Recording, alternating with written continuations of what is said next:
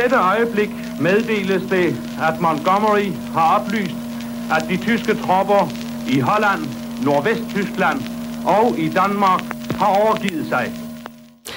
Ja, sådan her lød det altså for øh, 75 år siden i dag. Det var om aftenen den 4. maj 1945. Lige omkring kl. 20.35, øh, der læste den danske radiospeaker Johannes G. Sørensen øh, det her budskab op via den engelske radiokanal BBC. Fem års besættelse af Danmark var slut, og derfor har vi i årene, altså på den 4. maj, årene efter, øh, årene siden, sat lys i vores vinduer om aftenen for at mindes øh, befrielsen. Vi øh, kommer til i dag og høre både fra en øh, historiker, men også fra en øh, 94-årig kvinde ved navn Oda Mundbjerg, om hvordan hun husker befrielsesdagen. Det er om cirka øh, 20 minutter, vi taler med historikeren, og i næste time taler vi altså med Oda Mundbjerg. Men hvordan fejrer du befrielsen? Øh, hvordan gør du her under corona? Øh, måske er det faktisk en af de fejringer, der passer bedst til coronatiden, at man sætter et stille lys i sin vindueskarm. Ja. Send en sms ind til os, 1424 øh, R4, starter du den med, og så et mellemrum på, hvad befrielsen betyder for dig, og hvordan du markerer den hjemme hos dig. Ja, og så er det jo altså snart ferie, hvor de mange små øer rundt om i Danmark, de skal til at forholde sig til turister igen. Nogle de er nervøse, mens der altså er andre, der gerne vil have flere turister. Det gælder for eksempel nogle lokale på øen Anholdt i Kattegat, der for to uger siden altså har stiftet en forening, hvis eneste formål det er, at flere de skal have lov til at komme med færgen til Anholdt. Og det vil de altså gerne, selv om politiet og borgmesteren har vurderet, at det er bedst at holde det på 35 færgepassagerer per tur mod de 244, der egentlig kan være ombord. Så hvad vejer tungest? Er det turister, eller er det sundhedsrisici? Vi taler med en fra den her forening om øh, cirka 10 minutter. Vi er godt i gang med et treårs hoppeløb Made in Denmark med en første præmie på gode 15.000 kroner med føring til nummer 2 for 5 seconds. Hele tiden nærmest nummer 7 frøken AP, tredje er 3 Fabiola K. Jensborg.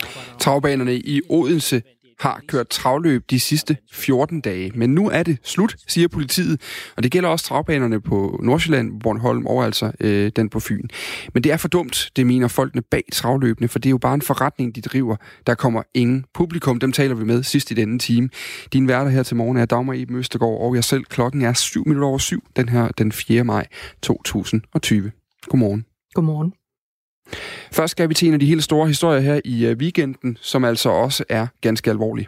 Ja, det handler om drabet på Huda Ali Ahmad, der indtil for nylig boede i Katteminde på Fyn. Huda kom til Danmark for cirka fire år siden. Hun havde tvillinger i maven og en, øh, en søn i hånden. Efter fire år i Danmark, der pressede hendes ægtemand Hussein Abbas hende til at rejse med tilbage til Syrien, til de kurdiske områder her.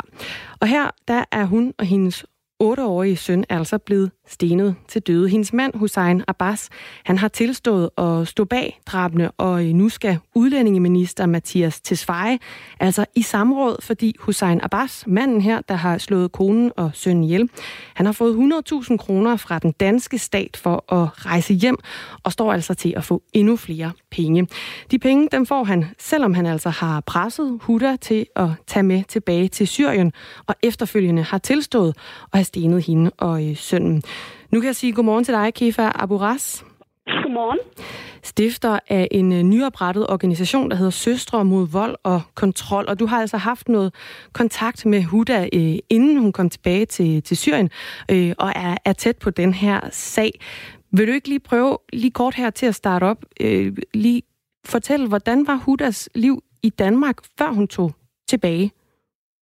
Hun var en velintegreret syriske, kurdiske kvinde, som vil gerne have Danmark, vil gerne frihed. Øh, hun har knoklet, hun har lavet at cykle, hun har jo taget kørekort.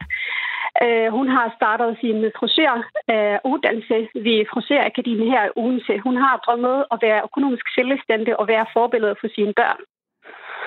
Så hun var meget aktiv, uh, faktisk.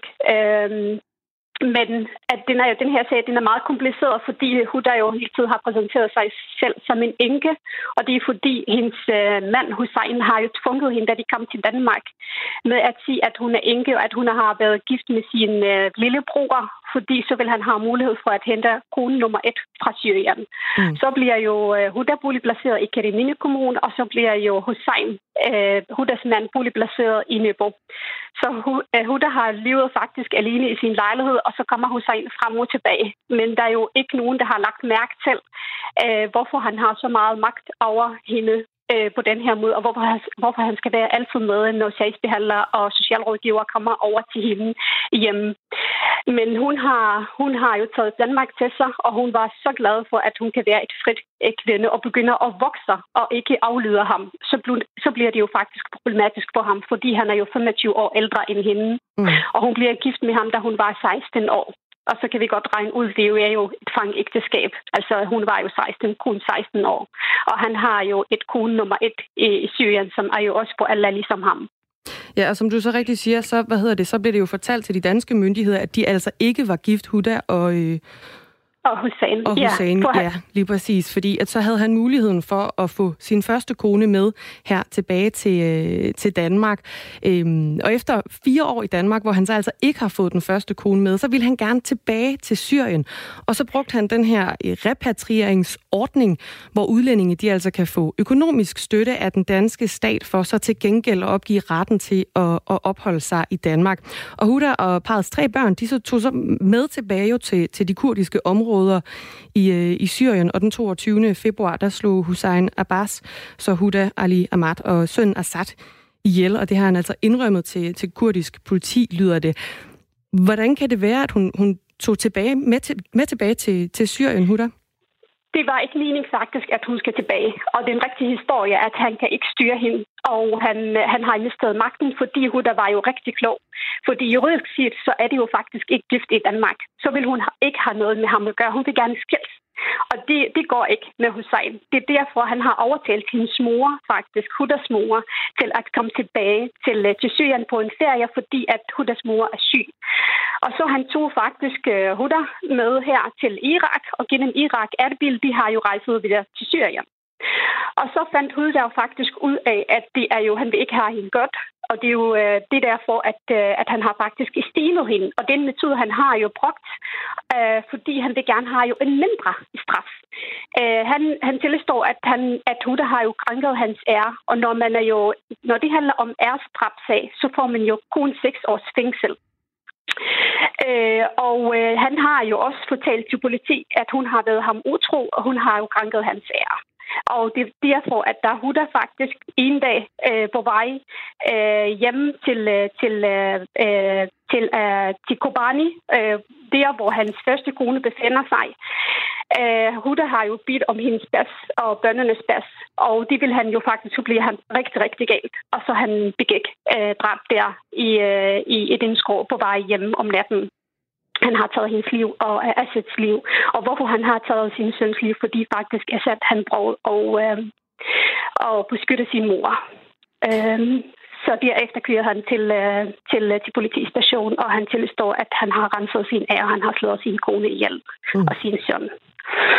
Ja. Og ifølge øh, fortrolige dokumenter, som Kristelig Dagblad er, er kommet i besiddelse af, så fik Hussein Abbas i februar udbetalt den første rate af den her repatrieringsstøtte på godt 100.000 ja. kroner for altså at øh, tage ud af, af Danmark igen. Og de resterende penge, de skal så udbetales til øh, februar 2021, efter han har været, været bortrejst fra Danmark i, øh, i et år. Og Hussein Abbas har jo, øh, som du også siger her, tilstået de her drab over for det kurdiske politi, men er altså ja. ikke dømt endnu. Han sidder lige nu varetægtsfængslet i den øh, kurdisk kontrollerede del af Syrien, og så får han penge fra, fra den danske stat for, for at rejse tilbage. Kan du lige komme ind på, hvad er det problemet, der er i det sådan helt, øh, helt konkret? Altså, der er jo, altså, når vi taler om repatrieringslov, den her det er en meget kompliceret sag, fordi vi snakker om repatrieringslov, og vi snakker også om social bedrageri, og vi snakker om et ærsedrab. Og for mig, det her med repatriering, det har vores Mathias Desvej, øh, udlænding integrationsminister, han har jo faktisk styr på det. Men for mig, det handler ikke om de her cirka 200.000, som Hussein skal få fra Danmark. For mig, det handler om Huda. Altså, for mig det handler om Huda og de to tvillinger, som, som er jo faktisk i Syrien og har ikke nogen tilværelse der. De, de her tvillinger, som de er jo født opvokset op her i Danmark. Og det er, bliver næsten umuligt at få dem her tilbage igen. Hvilken liv det venter. Deres far har jo taget mors liv og har taget storbrors liv. Og nu snakker vi jo repatriering glad også snakker her om ruter. Det ved jeg faktisk, at vores minister øh, har styr på repatrieringslov, og vi skal, det skal nok regulere det, hvor at, at dem, de begår drab i deres hjemland, er så drab, så skal det ikke have øh, øh støtte. Han har jo fået 100.000, og om ni måneder skal han også have cirka 100.000, måske lidt mere til, igen, og det får han. Øh, det håber at han ikke får, men vi må faktisk have fokus på negativ social kontrol og vold. Hussein har planlagt det hele her i Danmark, i Danmarks jord, og Huda jo bliver dræbt i Syrien. Så lad os tale om kvinder. Lad, lad os tale om, hvordan kan vi faktisk undgå, at flere Huda bliver dræbt igen. Der findes mange Huda her i Danmark med mange forskellige øh, øh, kulturelle baggrund og, og forskellige navne. Hvorfor kan vi ikke tale om Huda i det her minutter, jeg har, og lade de andre repatrieringssag, vores øh, minister kan svare på det. Det ved jeg godt, at Mathias Desvej har, hold, har taget hold på den her sag. Mm. Øh, Kefa Aboras, jeg kunne godt tænke mig lige holde fast i det. Vi skal tilbage til det her med, med repatriering lige om lidt, hvordan den fungerer, men det er jo en fuldstændig forfærdelig historie, det her, ja, som man ikke kan undgå faktisk, at blive berørt ja. af. Altså, øhm, du er lidt inde på det her, hvordan vi kan undgå det. Hvad, hvad er dit bud? Kunne det her være undgået, og, og hvordan kan vi gøre det anderledes? Jamen, vi må ikke ignorere historier som Hudas. Det er vigtigt, at man rækker ud til de, de kvinder, det er underlagt negativ social kontrol. Kvinder skal oplyses om deres rettigheder og etableres i et stærkt netværk, som giver den nødvendige støtte til at bryde med de normer og strukturer, de både undertrykker og isolerer. Jeg har set og oplevet, hvordan netop de stærke fællesskaber mellem kvinder har givet dem mod til at fortælle deres personlige historie om negativ social kontrol. Kun ved at give kvinderne stemme og mod til at tale højt og skabe forandring, skal vi forebygge at flere kvinder vil lyde det samme skæbne som huder. Så er det vigtigt faktisk, at vi investerer i det her kvinder, og det er vigtigt, at vi laver revolution. Det er revolutioner altid starter nedefra. Hvis huder var jo virkelig stærk nok til at bryde med tabu, tage bladet fra munden, så vil Hussein have ikke taget hende tilbage til Syrien. Mm. Han er en patriark, han kan ikke styre hende, og det er det, sagen handler om. Han kan, ikke, han, kan ikke, han kan ikke tåle, at hans kone vil være en økonomisk selvstændig og fri kvinde. Han har kontrolleret hende, hendes telefon, imens hun var her i Danmark. Og det er uheldigt. Han er en social bedrager siden, da han kom til Danmark, fordi han har tvunget hende allerede, da de landede her, at hun skal sige, at hun er jo enke, for at han har mulighed for, at han har mulighed for at familiesammenføre kun nummer et. Hvad, hvad tænker og du? nu står vi... Jeg tænker, Hussein, Jamen, det personer som ja. Hussein Abbas, tænker du, at han skal have lov til at få sådan noget repatrieringsstøtte, som, som han jo har fået, Nej. kan man sige, første Nej. halvdel af? Det skal han faktisk ikke. Og hvis det er mulighed for at tilbagetrække den, så skal man gøre det, men det bliver umuligt. Og jeg håber virkelig, at vores uh, udlænding- integrationsminister Mathias Tasbaj forhindrer, at han får den anden rette om ni måneder. Det skal han, han skal absolut ikke have det her. Men det, det undrer mig over faktisk efter ni uger, efter ni uger med tavshed her i Danmark, at når Bubber og Kristel Dagblad har lagt, jeg er virkelig glad for, at de har lagt så masser af kræfter for at skrive grundlæggende om set. Og så de der bubber op hos mennesker, de der er med, at det er økonomi. Selvfølgelig skal han ikke have det her 100.000 kroner. Øh, men det er vigtigt, at vi taler om Huda her. Vi må ikke glemme Huda. Det er vigtigt, at vi taler Huda sag. Det er vigtigt, at vi taler, vi taler, hvad var det grund til, at han kunne lave alt det her socialt bedrageri, fordi han har misbrugt Huda, fordi han er jo en patriark, som har fået hende til gennem hende og lave alt det her social bedrageri med øh, familiesammenfører og med repatriering. Kifa Aburas, altså stifter af den øh, nye organisation Søstre mod vold og kontrol. Vil du ikke lige prøve at sætte et par ord på her til slut? Hvor tænker du, grænsen skal gå for, hvornår man kan få sådan en repatri- repatrieringsstøtte? Øh, altså her har vi et eksempel, hvor, øh, hvor Hussein øh, Abbas han altså har slået sit kone og sin bar, sit barn ihjel. Øh, hvor, hvor skal grænsen skæres for, hvornår ved, altså personer må få repatrieringsstøtte? Jamen, jamen, repatrieringsstøtte, det skal til de mennesker, som de ønsker faktisk at vende tilbage til deres hjemland. Og det er jo lidt kompliceret, fordi de har muligheder her, og, og, og at de har, de, altså, hvis det er nogen, der går drab, de er umuligt, næsten umuligt, at finde ud af det, at de personer, som har søgt repatriering og har fået økonomiske støtte herfra, at, de, at vi skal have styr på dem, når de er i deres hjemland. Men selvfølgelig, der er jo mange mennesker. Jeg har jo selv arbejdet som integrationskonsulent for nogle år tilbage, og jeg har kørt masser af repatrieringssager i Assens Kommune, hvilket at, at de her familier, de har været faktisk rigtig glade. Og de beløb, som Danmark giver som repatriering, de er faktisk langt fra, hvor meget vi investerer på de her flytning. Så det er økonomisk set at bedre for Danmark, at de er jo, at der er nogen, der bliver repatrieret til, til deres hjemland, hvis, er, hvis en, en familie på syv personer for eksempel, og har brug for psykologhjælp og medicin og transportmidler og alt muligt fra A til Z. Når de, bliver jo, når de selv vælger at komme tilbage og bruge deres ret øh, som repatrierings så får de faktisk en økonomisk støtte, men de er langt væk fra, hvis de bliver i Danmark, og, og, og de koster Danmark mere at have dem her i Danmark. Men der er nogen, der, der ønsker det, og det synes jeg, at de skal også have lov til. Men hvis der er nu tror jeg måske, vi har mistet forbindelsen til Kefa Aburas. Kan du høre os? Det tror jeg ikke, hun kan, men... Øh... Forbindelsen, den gik, øh, den gik tabt, men det var altså Kefu Aburas, der er stifter af øh, den nye organisation Søstre mod, øh, mod vold og, og kontrol, som snakkede om den her sag, hvor en øh, mand, Hussein Abbas, han altså har tilstået drab øh, på sin kone og sit barn over for det kurdiske politi, Asayish, men øh, han er altså endnu ikke dømt. Han sidder varetægtsfængslet i den øh, kurdisk kontrollerede del af, øh, af Syrien. Om cirka 20 minutter, der taler vi med udlændingeminister Mathias Tesfaye om, øh, om den her sag, og han er altså allerede kaldt i samråd. Og vi vil rigtig gerne spørge ham, om han vil ændre reglerne for de her, den her repatrierings, repatri, repatrieringsordning. Nu skal jeg lige øh, have tungen lagt rigtigt. Øh, fordi hvor skal grænsen altså gå for, øh, hvor alvorlig kriminalitet det skal være, før man tilbageholder de her penge, og hvordan skal Danmark kunne tjekke den slags i, øh, i udlandet, når først en, øh, en asylansøger er rejst øh, tilbage? Klokken er 21 minutter over syv. Du lytter til Radio 4 morgen. Godmorgen.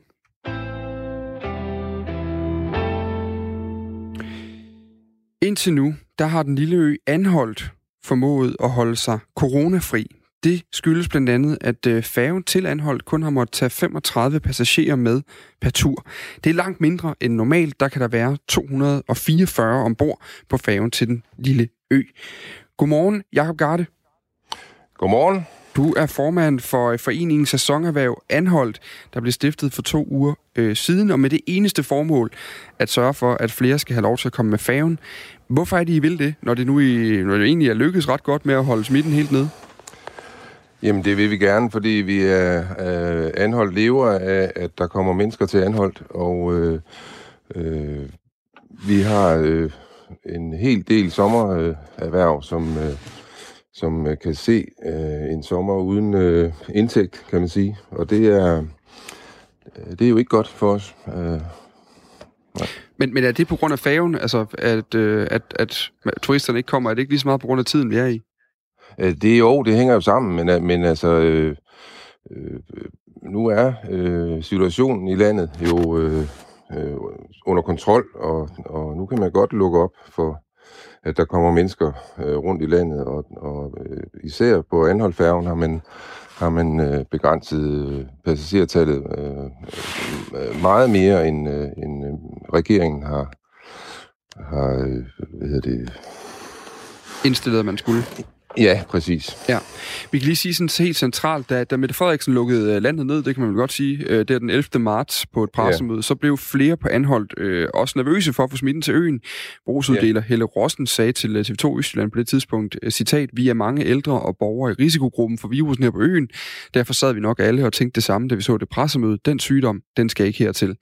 Ifølge Nordjurs Kommune, øh, deres seneste befolkningsopgørelse, så var 34 procent af beboerne på anholdt over 65 år, altså i den særlig risikogruppe, og øh, det er altså politiet, der har vurderet, at der på færgen skal være 4 kvadratmeter gulvareal per person, og der skal efter vurderingen øh, og, ja, og at det skal være sådan, efter vurderingen, der gennemgik rædderiets færge, øh, rædderiets og færgens faciliteter og fastsatte et øh, maksimalt passagerantal på, på 35. Det er borgmesteren for Nordjysk Kommune, der har oplyst det.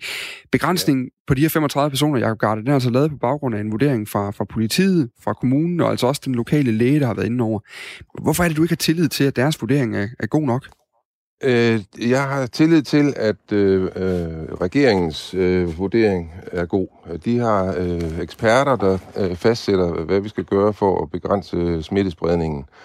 Og, øh, og, og den siger, at øh, i offentlige transportmidler, der skal man begrænse øh, antallet af passagerer til halvdelen af kapaciteten. Og det øh, mener jeg, øh, og vores forening, det mener vi, at øh, må være tilstrækkeligt. Vurderingen er jo så lavet på baggrund også af det her, vi siger med, at en stor del af øens beboere er jo altså i risikogruppen, altså 34 procent på anholdt over 65 år. Ændrer det ikke ved, at man godt kan tillade sig at være, være ekstra påpasselig, når det handler om anhold? Øh, jo, men altså, vi, vi, øh, vi passer på hinanden over og, og, og øh, tager hensyn, og, og vi spritter i brusen, og, og vi gør, hvad vi skal. Øh, så, så der bliver taget hensyn til, til øh, unge og gamle. Øh, det gør der. Men kan du også være sikker på, at der gør det, hvis der kommer 244 mennesker med hver eneste færge? Øh, ja, det, kan, det, det mener jeg godt. Øh, øh, øh, det, sådan som jeg ser, øh, øh, hvordan folk op, opfører sig ude i landet, så, så synes jeg, de opfører sig meget ansvarligt. Mm. Det her, det er jo, altså, det, det centrale er jo også, at det er jo ligesom nogle, nogle lokale, det er politiet, det er kommunen, det er den lokale læge, der har været inde over anbefalingen her. Er det ikke, kan de ikke bedre vurdere smitterisikoen på færgen end Sundhedsstyrelsen, der så har udtalt sig meget generelt og sagt, at passagerredaktionen burde være på 50 procent? Øh, undskyld, Øh, undskyld, kan du sige det igen? Ja, selvfølgelig. Jamen, du ja. nævnte før det her med, at Sundhedsstyrelsen har jo bedt om, at, det, at, at reduktionen er på 50 procent. Altså, at man satte den ned så til, ja, det må ja. så være øh, til, til 100 og, øh, og 22, ikke? Ja, det er rigtigt, ja. Så er den lokale læge, kommunen og politiet, der ligesom kender omstændighederne endnu bedre, de er gået videre i deres vurdering. Er det ikke dem, der er bedst til at vurdere smitterisikoen? Det, det mener jeg, jeg ikke.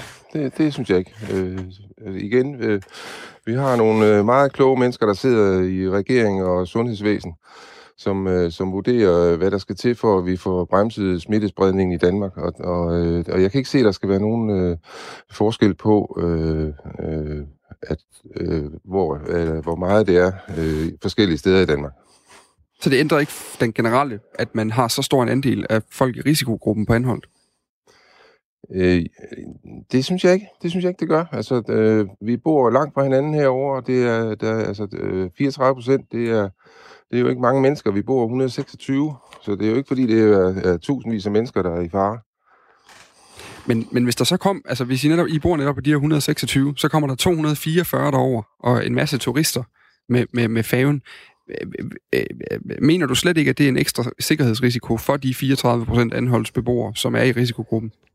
Jo, det, øh, jeg mener, jo, selvfølgelig er der, er der en større risiko, når der kommer mange mennesker, men, men altså, øh, øh vi er jo også øh, nogle mennesker, der har noget arbejde, øh, som øh, også skal overleve. Mm. Og, og, og hvis vi passer på hinanden, så, øh, så kan det godt fungere sammen, det er jeg helt sikker på. I hvert fald tusind tak, fordi du var med til at fortælle ja, om foreningens formål her. Jakob Garde. Ja, velkommen. God dag. Hej. Ja, tak. Øh, han er altså formand for foreningen Sæsonerhverv Anholdt. Øh, vi har også for, for, forsøgt her til dagens program at få et interview med øh, borgmesteren i Nordjurs Kommune, som ligesom øh, er, er der Anholdt ligger under. Øh, han hedder Jan Petersen, men det er altså ikke lykkedes endnu. Og, og igen, bare lige for at rise op, altså det var færgeselskabet havde i første omgang tolket reglerne for færgedrift efter retningslinjerne fra Transport- og Boligministeriet for Kollektiv Trafik. Det vil sige, at man skulle øh, halvere øh, antallet af siddende passagerer. Øh, så vil man være nede på de her 122 fordi kapaciteten normalt er 244, så er det altså kommunen, det er den lokale læge, og det er politiet, der så har været inde og sige, at, øh, at man bør sætte det yderligere ned. Altså helt ned til de her 35 passagerer, som det er lige ja, på tiden. Ja, præcis. Dan, vi har fået en sms. Yes. Vi har jo øh, snakket om, at det er 75-årsdagen for befrielsen i dag i Danmark. Øh, og der har vi efterspurgt, hvad øh, folk, hvordan folk de vil markere Altså, hvordan vil man markere den her 75-årsdag for befrielsen? Der har vi fået en sms fra jamen, din navnebror, Dan. Han skriver, jeg er i en anden grøft. Jeg har ikke noget forhold til 2. verdenskrig. Jeg har ingen bedste forældre, der er gamle nok og i live til at huske krigen. Og vi har i min familie aldrig haft nogen traditioner i forbindelse med befrielsesdagen. For mig fylder alt den her snak om krigen, som typisk kommer hvert år ved den her tid, alt for meget i forhold til min relation til den. Men der er jo selvfølgelig, selvfølgelig nogen, som stadig har brug for at tale om det, det og deres oplevelser. Så det skal der altså være plads til, selvfølgelig. Men jeg har altså ikke noget forhold til krigen, det skriver Dan her. Så har vi faktisk også fået en sms på vores historie omkring øh, Huda øh, Ahmed, der er blevet øh, stenet i Syrien. Ja. Øh, en stening, der er, øh, som hendes øh, mand øh, har, har, har tilstået. Hus, øh, Huda her, hun har altså boet i Danmark, men er så taget tilbage til, til Syrien øh, med sin øh, mand og sine børn, og hun og hendes øh, 8-årige søn er så øh, blevet stenet øh, mm. af øh, manden. Der er en, der skriver ind her, Hussein, som er manden, skal ikke have en krone, og øh, vi undgår lignende sager ved at udelukke og hjemsende alle muslimer. Det er jo Rosa, der skriver det til os. Det er altså en historie, vi også følger op på her til morgen.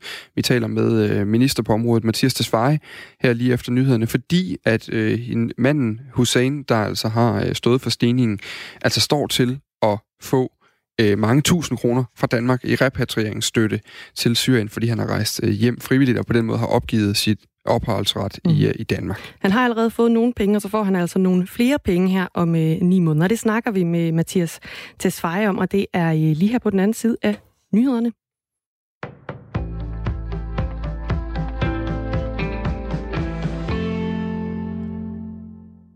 Det bliver nu i højere grad muligt for skoler og daginstitutioner at rykke undervisningen udenfor. Naturstyrelsen åbner for, at lærere og pædagoger kan bruge deres faciliteter til undervisning og pasning i naturen, fortæller Miljø- og Fødevareminister Lea Wermelin.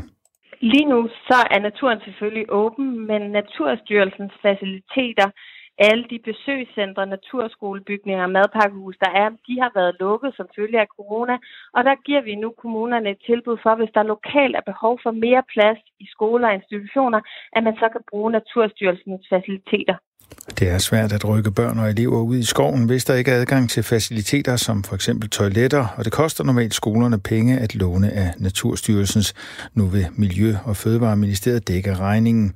Der skal nemlig fremover være bedre mulighed for, at daginstitutioner, dagplejere og skoler kan benytte sig af Naturstyrelsens bygninger til for eksempel undervisning eller frokost. En del af Naturstyrelsens faciliteter som toiletter, madpakkehuse og naturlegepladser har været lukket på grund af coronakrisen. Det er altid dejligt for børn og unge at komme ud i naturen, mener Lea Wermelin, men hun påpeger, at det samtidig skal gøre det lettere for skoler og daginstitutioner at overholde kravene til afstand, der bliver stillet af sundhedsmyndighederne. Det er jo også et spørgsmål om, at der generelt mangler plads, og, øh, og der kan Naturstyrelsen være med til at hjælpe både med forskellige faciliteter, men jo også med at stille personale til, til rådighed, hvis man lokalt har brug for det. Mange skoler og daginstitutioner har i forvejen været nødt til at rykke undervisning udenfor eller tage alternative lokaler i brug for at overholde kravene om afstand. Naturstyrelsen stiller omkring 150 lokaler til rådighed landet over. Når retten i Viborg i dag slår dørene op til sagen mod generalmajor Hans Christian Mathisen, den tidligere chef for hæren, vil han kræve at blive fuldkommen frifundet. Det siger hans forsvarsadvokat Torben Kok forud for det første af de fire retsmøder, der er afsat til sagen. De fem tiltalepunkter dækker over, at H.C. Mathisen skal have misbrugt sin stilling til at ændre på nogle optagelseskrav, så hans kæreste kom ind på en eftertragtet uddannelse i hæren. Han skal også have vist kæresten e-mails med fortroligt indhold og have forsøgt at få en oberst til at udnævne hende til major, hvilket denne dog ikke gjorde. Desuden skal han have løjet for forsvarschefen, samt fået sin sekretær til at lave bryllupsinvitationer for sig i arbejdstiden. For dette kræver Forsvarsministeriets auditørkorps H.C. Mathisen idømt en fængselsstraf. Torben Kok mener dog worst case, at sagen kan bære en bødestraf. Kriseramte Norwegian er nået til enighed med leasingselskaberne, som en del af selskabets fly er lejet hos om en redningsplan. Det oplyser selskabet i en fondsbørsmeddelelse. Søndag fik selskabet godkendt planen af sine obligationsejere, men godkendelsen fra leasingselskaberne manglede fortsat før en ekstraordinær generalforsamling i dag. Den er nu i hus, så aktionærerne kan stemme om planen. Selskabet har fået stærk støtte fra både obligationsejere og leasingselskaber, og bestyrelsen har derfor opdateret beslutningsforslaget til generalforsamlingen, så de afspejler aftalerne og indsnævrer de mulige resultater for aktionærerne, skriver selskabet. Der kommer i dag nogen eller en del sol, men i løbet af dagen også enkelte byer, først i Nordjylland. Temperaturer op mellem 8 og 13 grader og let til frisk vind omkring nordvest ved vestkysten stedvis hård vind. Du lytter til Radio 4. Mit navn er Thomas Sand. Der er flere nyheder klokken 8.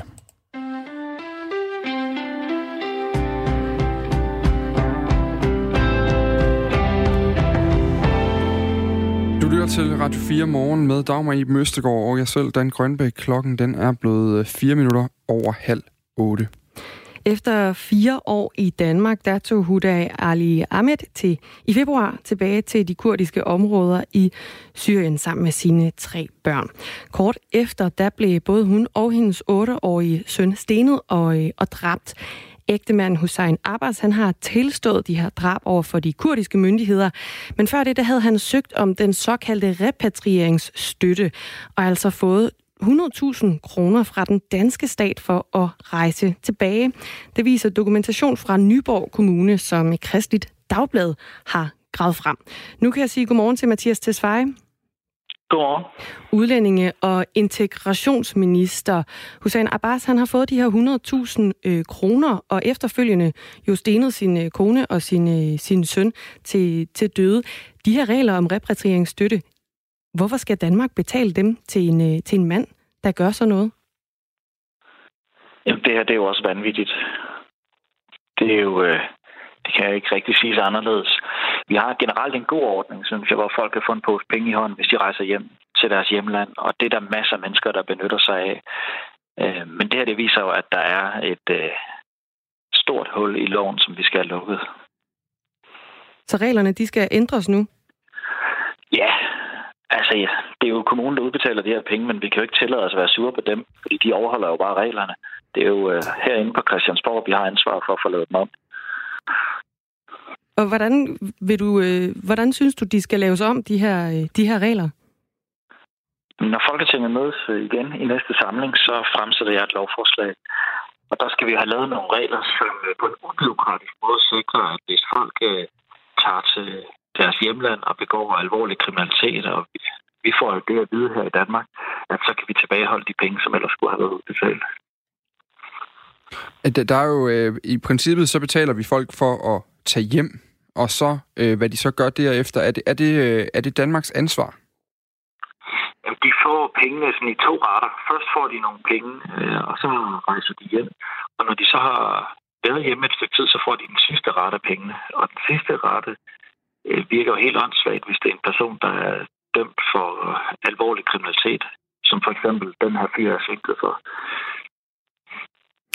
En ting er jo, Mathias Tesfaye, at, at man ligesom øh, ki- vil, vil kigge på det nu, men hvor hurtigt kan man gøre det? Altså, øh, fordi øh, Hussein Abbas, vi taler om her, han har øh, ni måneder til, han skal have sin øh, næste rate af de her penge. Er det noget, der kan, kan stoppes med det samme? Hvis det kan, øh, så skal det i hvert fald stoppes. Men jeg er jo også som minister bundet af grundloven og paragraferne og sådan noget. Det betyder jo, at, at øh, hvis der er noget jura, der står i vejen for det, så, så bliver vi nødt til at respektere det. Men det håber jeg virkelig ikke, der er. Vi kan sige, at den her såkaldte øh, repatrieringsordning, øh, en, en hjemrejsestøtte til udlændinge, der altså frivilligt forlader Danmark. Øh, her har Hussein Abbas altså allerede fået de her 100.000 kroner, og næste år så får han igen 100.000 kroner. Og de resterende penge, de udbetales jo så til februar i 2021, når han har været bortrejst fra Danmark i, i et år. Det viser de her lækkede dokumenter fra Nyborg Kommune, hvor Hussein Abbas han altså indtil februar var bosat, og som Kristelig Dagblad de er kommet i, øh, i besiddelse af. Mathias Tesfaye, øh, der er i det her tilfælde, nu hørte vi øh, historien før fra, øh, fra, øh, fra, hvad hedder det, Kefa Abu Ras, som fortalte om Hudas øh, forfærdelige historie, og hvordan den endte. Øh, som minister på området her nu, og hvor du siger, der skal laves noget om, vi vil se, hvor hurtigt vi kan gøre det. Hvor skal grænsen gå hen for, hvornår man kan miste sine penge? Altså, hvor grov kriminalitet skal man begå, før man mister repatrieringsmidlerne? Jamen, det er et godt spørgsmål, fordi selvfølgelig skal det ikke være sådan, at hvis man øh, stjæler en cykel, at så mister man pengene, for så tror jeg heller ikke, vi får folk til at benytte sig af den her ordning. Omvendt så mener det er helt åbenlyst, at man kan ikke gøre, ligesom den fyr her er sigtet for, sten to personer ihjel, hvor den ene er et mindreårigt barn, og så bagefter så skal den danske stat så til lommerne og udbetale 100.000 kroner. Lige præcis hvor grænsen skal gå, det er noget af det, som øh, er blevet min lektie, som jeg skal have færdigt til lige så snart Folketinget åbner igen. Mm, hvad, hvad synes du? Altså, du er jo en minister med, med mange meninger på det område, også med stærke holdninger og stærk viden om det. Hvor synes du selv, grænsen skal gå hen? Hvad vil du kunne acceptere? Jamen, jeg synes, at hvis man har stenet sin kone og en 11-årig dreng ihjel, så skal man ikke have pengene. Og hvis man har stjålet en cykel eller kørt over for rødt, så skal man have pengene. Og et sted derimellem skal der så slås en streg. Og der er jo hundredvis af forskellige kriminalitetsformer øh, og straflovsovertrædelser. Jeg tør ikke lige sige præcis i dag, hvor vi slår stregen. Men det skal vi nok have klar til, når loven bliver fremlagt. På, på, det her, det er, en, det her det er en, en, hvad kan man sige, det er jo en, en, en urimelig grov sag. Øh, det er ikke desto mindre en, en, en enkelt sag. Øh, er, er der et generelt problem, vi står med her, eller, øh, eller handler vi lidt på, øh, på grusomheden i den enkelte situation? Jeg kan ikke vide, om vi står med et generelt problem, men jeg tror det ikke. Øh, grunden til, at jeg ikke kan vide det, er jo fordi, at vi udbetaler pengene til folk, når de er rejst hjem. Vi beder ikke deres hjemland om en udskrift af, af, af deres øh, kriminalregister, hvor vi kan se, om de efterfølgende har begået en lovovertrædelse.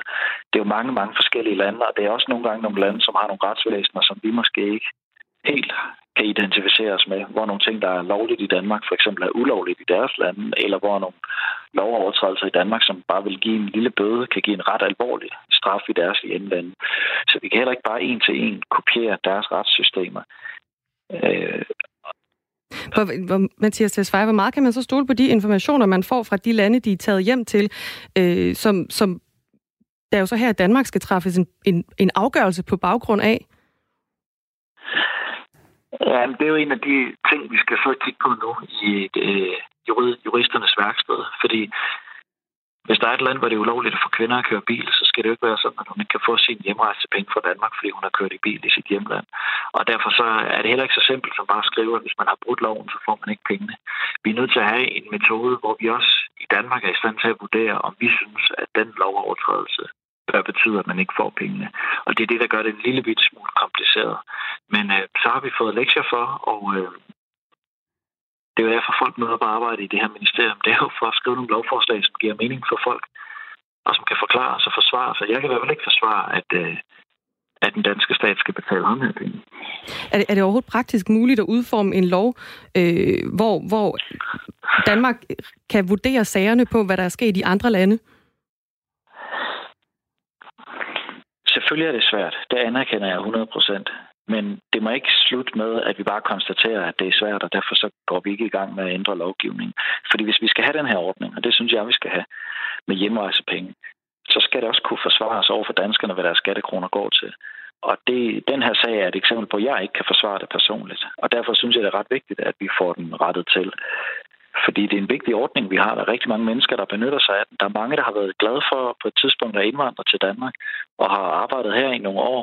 Men så når de bliver lidt ældre, har lyst til at tilbringe sidste delen af deres liv i deres hjemland. Og så synes jeg, det er helt rimeligt, at de også får en pose penge af den danske stat til at tage hjem med. Så kommer de jo ikke til at trække på det danske sundhedsvæsen, og sådan noget, når, når de bliver gamle. Så det er en helt fin ordning. Der er bare lige et eksempel på her, hvor min moral i hvert fald øh, ikke kan følge med. Og hvor skal grænsen så gå? Altså nu har vi et eksempel her, som, øh, som jo hedder, hedder drab. Kan man sige, at grænsen den også skal... Altså må folk stadigvæk godt få repatrieringsstøtte, hvis de for eksempel har begået grov vold? Lige præcis hvor grænsen går, det tør jeg simpelthen ikke sige i dag. Desværre. Altså, jeg har lige læst den her artikel i forgårs i avisen, og jeg er lige mødt på, på kontoret her i morges, og, og jeg skal lige have de kloge jurister til at møde ind, og så skal vi have de første diskussioner omkring, hvordan det, det kan skrue sammen. Og, der, og vores deadline er jo, at når Folketinget åbner til efteråret, så skal vi gerne øh, være på vej med et lovforslag. Og det er absolut også min plan, at vi, at vi overholder det. Tusind tak skal du have, Mathias Tesfaye, som altså har fået lektier for. Selv tak. Godmorgen. Godmorgen, udlændinge- og, øh, og integrationsminister. Og Dansk Folkeparti har altså indkaldt ministeren til, øh, til samrådet. Hussein Abbas, som vi taler om, har altså tilstået øh, nogle drab, to drab på sin 8-årige søn og sin øh, kone, Huda Ahmad, øh, over for det kurdiske politi, altså Yish, men er endnu ikke dømt. Han sidder i øjeblikket varetægtsfængslet i den kurdisk kontrollerede del af Syrien.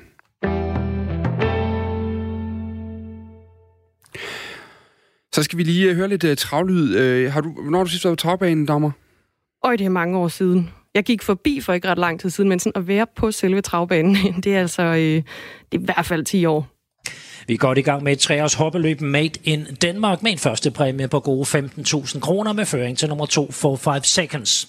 Hele tiden nærmest nummer 7, frøken AP, tredje er 3, Fabiola K. Jensborg arbejder nummer 9, frøken 4, derefter indvendigt et Felicity. Så har vi anden spor 8, Fejnelli Hastrup. Vi har nummer 6, Fanta, og langt til både 4, Finest Avive, og nummer 5, frøken Lupo. Sådan her lød det. Skønne navn. Ja, det er det. Det er det. Det er noget af det, man som øh, udefrakommende altid kan glæde sig over ved hestesporten. Æh, sådan her lød det altså i fredags i Odense, da hesten Fanta vandt et øh, travløb uden publikum på bænkene, vel at mærke. Travløbene de er foregået de sidste 14 dage, men søndag der lukkede Fyns politi så ned for travløbene. Det samme skete i øh, Nordsjælland, og øh, det er du altså øh, godt oprørt over. Godmorgen, Christian Hundebøl. Godmorgen. Konstitueret daglig leder for travbanen i, i Odense. Hvorfor er det her i din optik en forkert beslutning fra politiet? Jamen det er fordi væddelsporten i Danmark er virksomheder. Vi har vores selvstændige baner, som vi driver som virksomheder. Der er nogle travtrænere, som har virksomheder, der træner hestene, og dem, der ejer hestene, er også i stor udstrækning øh, virksomheder. Så vi er dybt frustrerede i sporten. Fordi I ikke kan tjene penge i øjeblikket? Nemlig. Øh, Hvor mange mennesker var I på travbanen? Jamen, vi var i underkanten af 100 mennesker på et kæmpe areal. Det var de mennesker, som var tilknyttet i starten af heste, og så var der ikke andre. Hele publikumsområdet var totalt spærret af. Okay. Og når du siger, at I var på et kæmpe areal, altså hvilke forholdsregler har I truffet? Jamen, vi har jo truffet de forholdsregler med, at der skal holdes afstand. Vi må ikke stå tæt sammen. Der er mulighed for afspritning. Der bliver gjort rent efter øh, næsten hvert løb på toiletter. Og, øh, og generelt, altså alt det, sundhedsmyndighederne har anbefalet. Er der, er der nogle situationer, der er svært, og hvor det er svært at, at, overholde de her forholdsregler på en travbane? Overhovedet ikke, når der ikke er publikum. Så, så prøv lige at forklare os. Altså, fordi man kan sige, som udgangspunkt, så har vi jo at gøre med en virus her, der er lidt ligeglad med, om der bliver drevet virksomhed, eller om det er et privat arrangement. Når der er mange mennesker samlet, så har den det med at sprede sig. Øhm, hvordan, altså, hvordan kan det ikke være et problem, når man så samler 100 mennesker ind på det her store areal? Jamen, øh, hvis du kigger på øh, dagligvarerbutikker med videre, så er der jo også masser af mennesker der, som står meget, meget tættere, end de vil gøre på, på en vedelsbane i forbindelse med afviklingen af de her løb. Jeg skal lige bede dig om ganske kort, Christian Hundebøl. Der er lidt øh, kuren på, øh, på mikrofonen. Jeg ved ikke, om den støder mod en skjortekrave eller et skæg eller noget i den stil, men du må gerne lige holde den helt stille, hvis du kan det. Øhm, så kan vi lige sige, at Rigspolitiet, vurderingen, der ligger til baggrund, der skriver de til os, at travløbet det anses som et arrangement, og at den slags arrangementer altså er omfattet af den bestemmelse bekendtgørelse 445, som siger, at det er forbudt at afholde arrangementer, hvor der er flere end 10 personer til stede. Sundhedsministeriet har altså lige forlænget det forbud til den øh, 11. maj, og øh, regeringen har jo altså også tidligere øh, forbudt større forsamlinger indtil til udgangen af august. En stor forsamling er fastsat til maks at være 500 personer, men det er altså øh, stadig ikke tilladt at være flere sammen end 10 personer for øh, nu lige nu. Øh, Christian Hundebøl, hvordan, hvordan definerer du et arrangement kontra en virksomhed? Jamen, øh, alt det, vi foretager os, det er for at tjene penge til vores virksomheder, og det er også for, for trænernes øh, vedkommende. Og derfor mener vi ikke, at det er et arrangement. Vi mener simpelthen, at vi udvirker vores virke for at tilgodese øh, de økonomiske interesser, der er i sporten. Det, det samme kunne man jo eventuelt godt høre spillesteder eller fodboldklubber sige. Det har, kan du have ret i, men øh, det er vores vurdering, og, og vi har nu sat vores øh, jurister i sporten på at, at få en dialog med øh, Rigspolitiet og Justitsministeriet for at se, om vi kan finde en, en løsning, så vi kan komme i gang igen og tjene nogle penge. Men, men altså, de her forholdsregler, I har truffet, dem er der jo så nogen, der har vurderet, de ikke er, er, er nok for at hindre øh, øh, smitterisikoen i hvert fald i øjeblikket. Er, er, det, er det egentlig, ser man stort på sundhedsrisikoen her øh, i et økonomisk øje med? Overhovedet ikke. Vi tager det virkelig seriøst, og det er også derfor, at vi kun har få heste i løbende og få antal løb for at begrænse antallet af mennesker, der er på vores arealer. Hvordan, hvordan vil du have det, hvis I... Lad os nu sige, at I oplevede en stor smitte lige pludselig. Altså, og så Jamen, havde det man gjort det være- for at komme i gang igen. Det vil da være frygteligt, men, men jeg tror slet ikke, at det vil være aktuelt, fordi at vi har gjort alle de tiltag, vi har gjort. Mm. Og, og, det, og det er... du, du er helt tryg ved det. Fuldstændig, ellers havde vi aldrig gået i gang. Hvor vigtigt er det at komme i gang lige nu? Altså, hvor presset er, øh, hvor presset er øh, vedløbssporten i Danmark? Jamen, øh, væddeløbssporten er presset, det er både væddeløbsbanerne, men det er også alle de mennesker, som øh, træner hesten og som har den. Øh, hestene skal motioneres hver dag, de skal have foder hver dag, så der skal penge i kassen. Hvor mange penge, altså, hvor, hvor meget taber I lige nu? Ja, men det er svært at gøre op nu, fordi det er jo både indtægter for banerne på spil, øh, sponsorindtægter, publikumsindtægter, restaurationsindtægter, så det er, det er svært lige at få et overblik over nu. Men, men hvor meget kan I så hente ind ved at kunne få lov til at køre øh, løbende, uden at der er publikum på, øh, på siden? Hvor meget betyder det? Ja, men det betyder meget, fordi hovedparten af vores indtægter kommer gennem spil, og øh, der behøver ikke være publikum på banerne for at spille. Øh, meget af vores spil er jo internetbaseret, så, så det vil være et kæmpe økonomisk boost for os at komme i gang hurtigst muligt. Så lød det altså her fra Christian Hundebøl, konstitueret øh, daglig leder for travbanen i, øh, i Odense. Øh, hvornår er næste øh, øh, øh, race fastsat til, umiddelbart? Jamen i Odense, der er det torsdag i næste uge, og på landsplan er det i Aalborg i dag. Ja, og Aalborg de har lige meldt ud, at de, de venter til her kl. 10, skulle vi gerne øh, få en melding deroppe fra.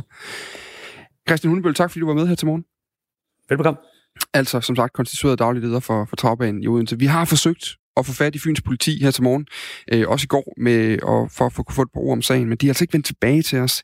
Vi har også spurgt øh, Erhvervsministeriet, om der er brug for klarhed om reglerne efter lukningen af travløb, men de henviser så til Rigspolitiet, og Rigspolitiet har ikke ønsket at stille op til interview, men de skriver blot i en mail, at det altså i deres optik er arrangementer, og derfor hører det altså under forsamlingsforbuddet. Klokken er 10 i 8. Ja, så skal vi en, øh, vi kan kalde en tur i tidsmaskinen, fordi sådan her lød det for 75 år siden.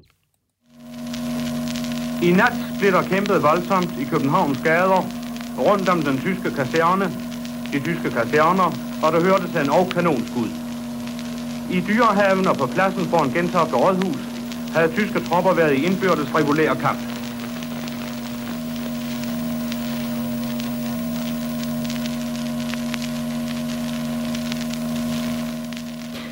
Ja, om aftenen den 4. maj 1945 klokken øh, cirka 20.35, der læste den danske radiospeaker Johannes G. Sørensen det her budskab op, og det var altså via den engelske radiokanal BBC. Det betød, at øh, fem års besættelse af, af Danmark var slut. Og vi vil rigtig gerne også høre fra øh, dig, hvis du sidder og lytter med derude og øh, skal markere den her befrielse på den ene eller den anden måde. Rigtig mange de sætter jo for eksempel nogle lys i, i vindueskarmen for at markere, at for eksempel mørklægningsgardinerne de altså bliver revet ned fra, fra vindueskarmene den her aften. Så du kan sende en sms ind til os, og det kan du gøre på 1424, skriv R4 et mellemrum og, og så din besked. Har du nogle gode historier om, øh, om befrielsesdagen? Måske du har hørt noget fra dine bedste forældre. Nu kan vi sige godmorgen til Signe Maria Vinter. Godmorgen. Du er historiker, historiker, hedder det, fra Roskilde Universitet. Og Signe Maria Vinter, hvorfor var den her dag for 75 år siden en af de vigtigste i Danmarks historien?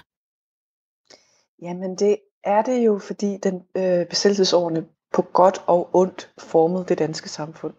Og 2. verdenskrig er, en, er på global plan en grundbegivenhed, som er indkodet i afskillige generationers identiteter verden rundt. Og det er den stadigvæk. Øhm, og derfor så kan man bruge besættelsestiden til at spørge sig selv, øh, både på et personligt, men også på et samfundsplan, hvad vil jeg have gjort, og hvad kan jeg lære af den i dag? Ja, vil du ikke prøve at komme lidt ind på, hvordan er det, det har formet os? Hvad er det, vi har, øh, vi har lært af besættelsestiden? Øh, vi har, øh, jeg vil faktisk sige, at der er mange ting, vi stadig kan lære af besættelsestiden. Især i den her tid, hvor vi er nu, hvor vi begynder at tale om samfundssind. Det gjorde man også under besættelsen. Øh, fordi at, at, som Mette Frederiksen egentlig også siger, den krise, vi er i lige nu, øh, er den største krise siden besættelsestiden. Så, så, så hvordan man, man øh, agerer som samfund i krisesituationer, der kan man faktisk kigge tilbage på besættelsestiden og, og tænke og se, hvordan de opførte sig som samfund. Vi tager lige et øh, historisk tilbageblik her. Hitlers tropper besatte Danmark den 9. april 1940, og besættelsen den varede altså lige over fem år. Ifølge Nationalmuseet, der døde der mere end 6.500 danskere under 2. verdenskrig, heriblandt 861 modstandsfolk og i 1970 civile, herunder altså 1000 søfolk. Ifølge Gyldendals, Gyldendals store danske encyklopædi, der skønnes det, at mindst 55 millioner mennesker de mistede livet som følge af, af 2. verdenskrig i alt. Muligvis er det tal faktisk endda endnu højere, altså så højt som 70 millioner mennesker. Signe Maria Winter, den her øh, befrielsesdag, hvordan forløb den almindelige danskers dag den 4. maj, altså inden det her befrielsesbudskab om aftenen, det, det udkom der omkring 2035? Øhm, der var faktisk ikke rigtig nogen, der havde øh, set det komme. Altså man vidste selvfølgelig godt, at øh, den tyske krigslykke var vendt, og at det tegnede mod bedre tider, men man havde ikke troet, at det ville ske lige i dag. Øhm, så det var egentlig en helt almindelig dag indtil klokken, øh, eller almindelig for, en, for besættelsestiden, mm. øhm, indtil klokken 20.36 om aftenen, hvor Johannes G. Øh, Sørensen, som var nyhedsoplæser, fik beskeden, mens han var i gang med en udsendelse. Så han, han øh, øh, forlader faktisk mikrofonen og kommer tilbage til den, og viderebringer så befrielsesbudskabet, som alle kender, øh, øh, Montgomery har udtalt og alt det der. Øh, og så begynder, altså det her befrielsesbudskab udløste glæde og begejstring over hele landet, og folk de strømmede ud på gaderne, og der er beretning om, at man, man kunne mærke, at gaderne simpelthen summede. Øh, men der var også faktisk beretning om, at der var nogen, der ikke havde hørt radio, og ikke vidste, at, øh, at befrielsen, øh, eller befrielsesbudskabet var kommet. Og de lagde mærke til, at der var sket noget, fordi at de så, at mørklægningsgardinerne blev trukket ned rundt omkring i vinduerne.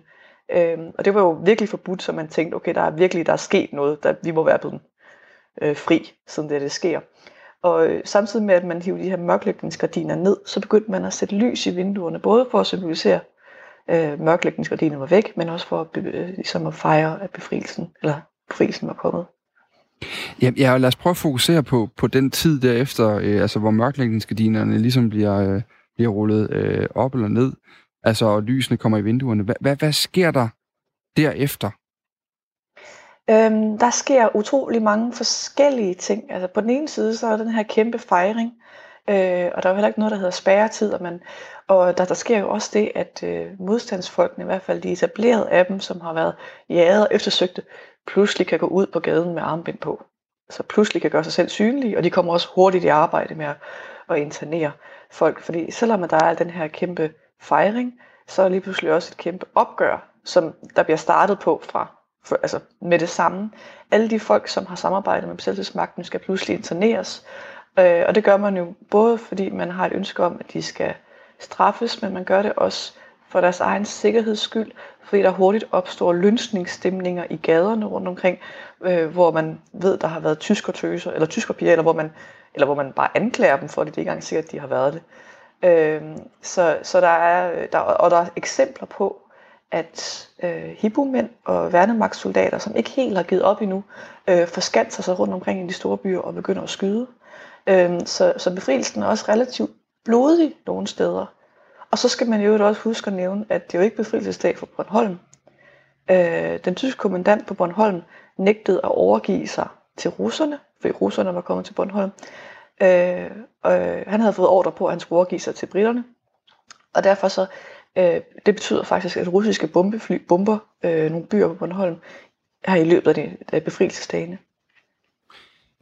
Vi skal, vi skal lige, jeg skal lige have skåret nogle kontraster op på en eller anden måde her, fordi der var ligesom en tid øh, før befrielsen, og så en tid derefter cirka 2035.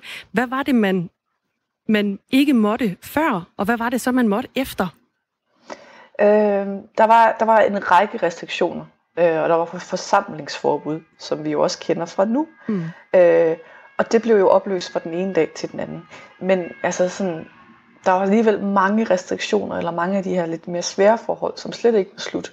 Altså for eksempel øh, rationsmærker osv., dem havde vi indtil øh, 1952. Så husmorens kamp i køkkenet, så at sige, var ikke slut. Øh, men, men mørklægning og spærretid, øh, og de restriktioner, der kom efter undtagelsestilstanden i 43, de var slut. Lige til sidst her, Signe Maria Vinter, så fik vi en sms lidt tidligere på morgen, som vi øh, stod og talte lidt om. Øh, der er en her, der skriver, at øh, jeg har ikke noget forhold til 2. verdenskrig. Jeg har ingen bedsteforældre, der er gamle nok til at huske krigen, og vi har i min familie aldrig haft nogen traditioner i forbindelse med befrielsesdagen. Skriver han nede i bunden, det er Dan, der skriver. Men der er selvfølgelig nogen, som stadig har brug for at tale om det og deres oplevelser, så det skal der være plads til. Jeg har bare ikke noget forhold til den. Er det en generel ting efterhånden? Mm, det er faktisk et sjovt spørgsmål. Det synes jeg faktisk overhovedet ikke, fordi det, Øh, der er en, en enorm opblusning af, af film om 2. verdenskrig og besættelsestiden. Øh, så det er et ekstremt øh, populært underholdningsemne, også i computerspil. Så jeg har nærmere en, en oplevelse af, at, at unge stadigvæk interesserer sig enormt meget for 2. verdenskrig, men måske ikke fra et øh, familiehistorisk eller familierendringspunkt, som, som, som dit eksempel her, mm. men mere som en, en, øh, øh, en historisk, sådan, det ved ikke, en historie, som de kender fra underholdningsmedier, eller som de har stiftet forhold til igennem computerspil, eller mm.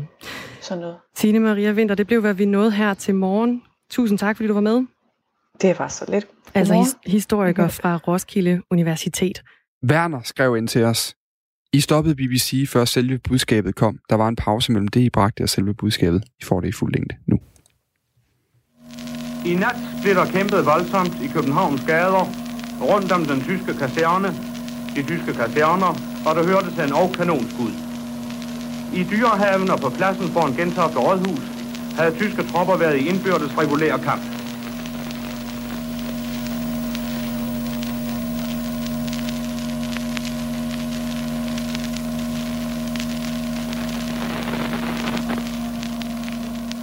I dette øjeblik meddeles det, at Montgomery har oplyst, at de tyske tropper i Holland, Nordvest-Tyskland og i Danmark har overgivet sig. Her London, vi gentager. Montgomery har i dette øjeblik meddelt, at de tyske tropper i Holland, Nordvest-Tyskland og Danmark har overgivet sig.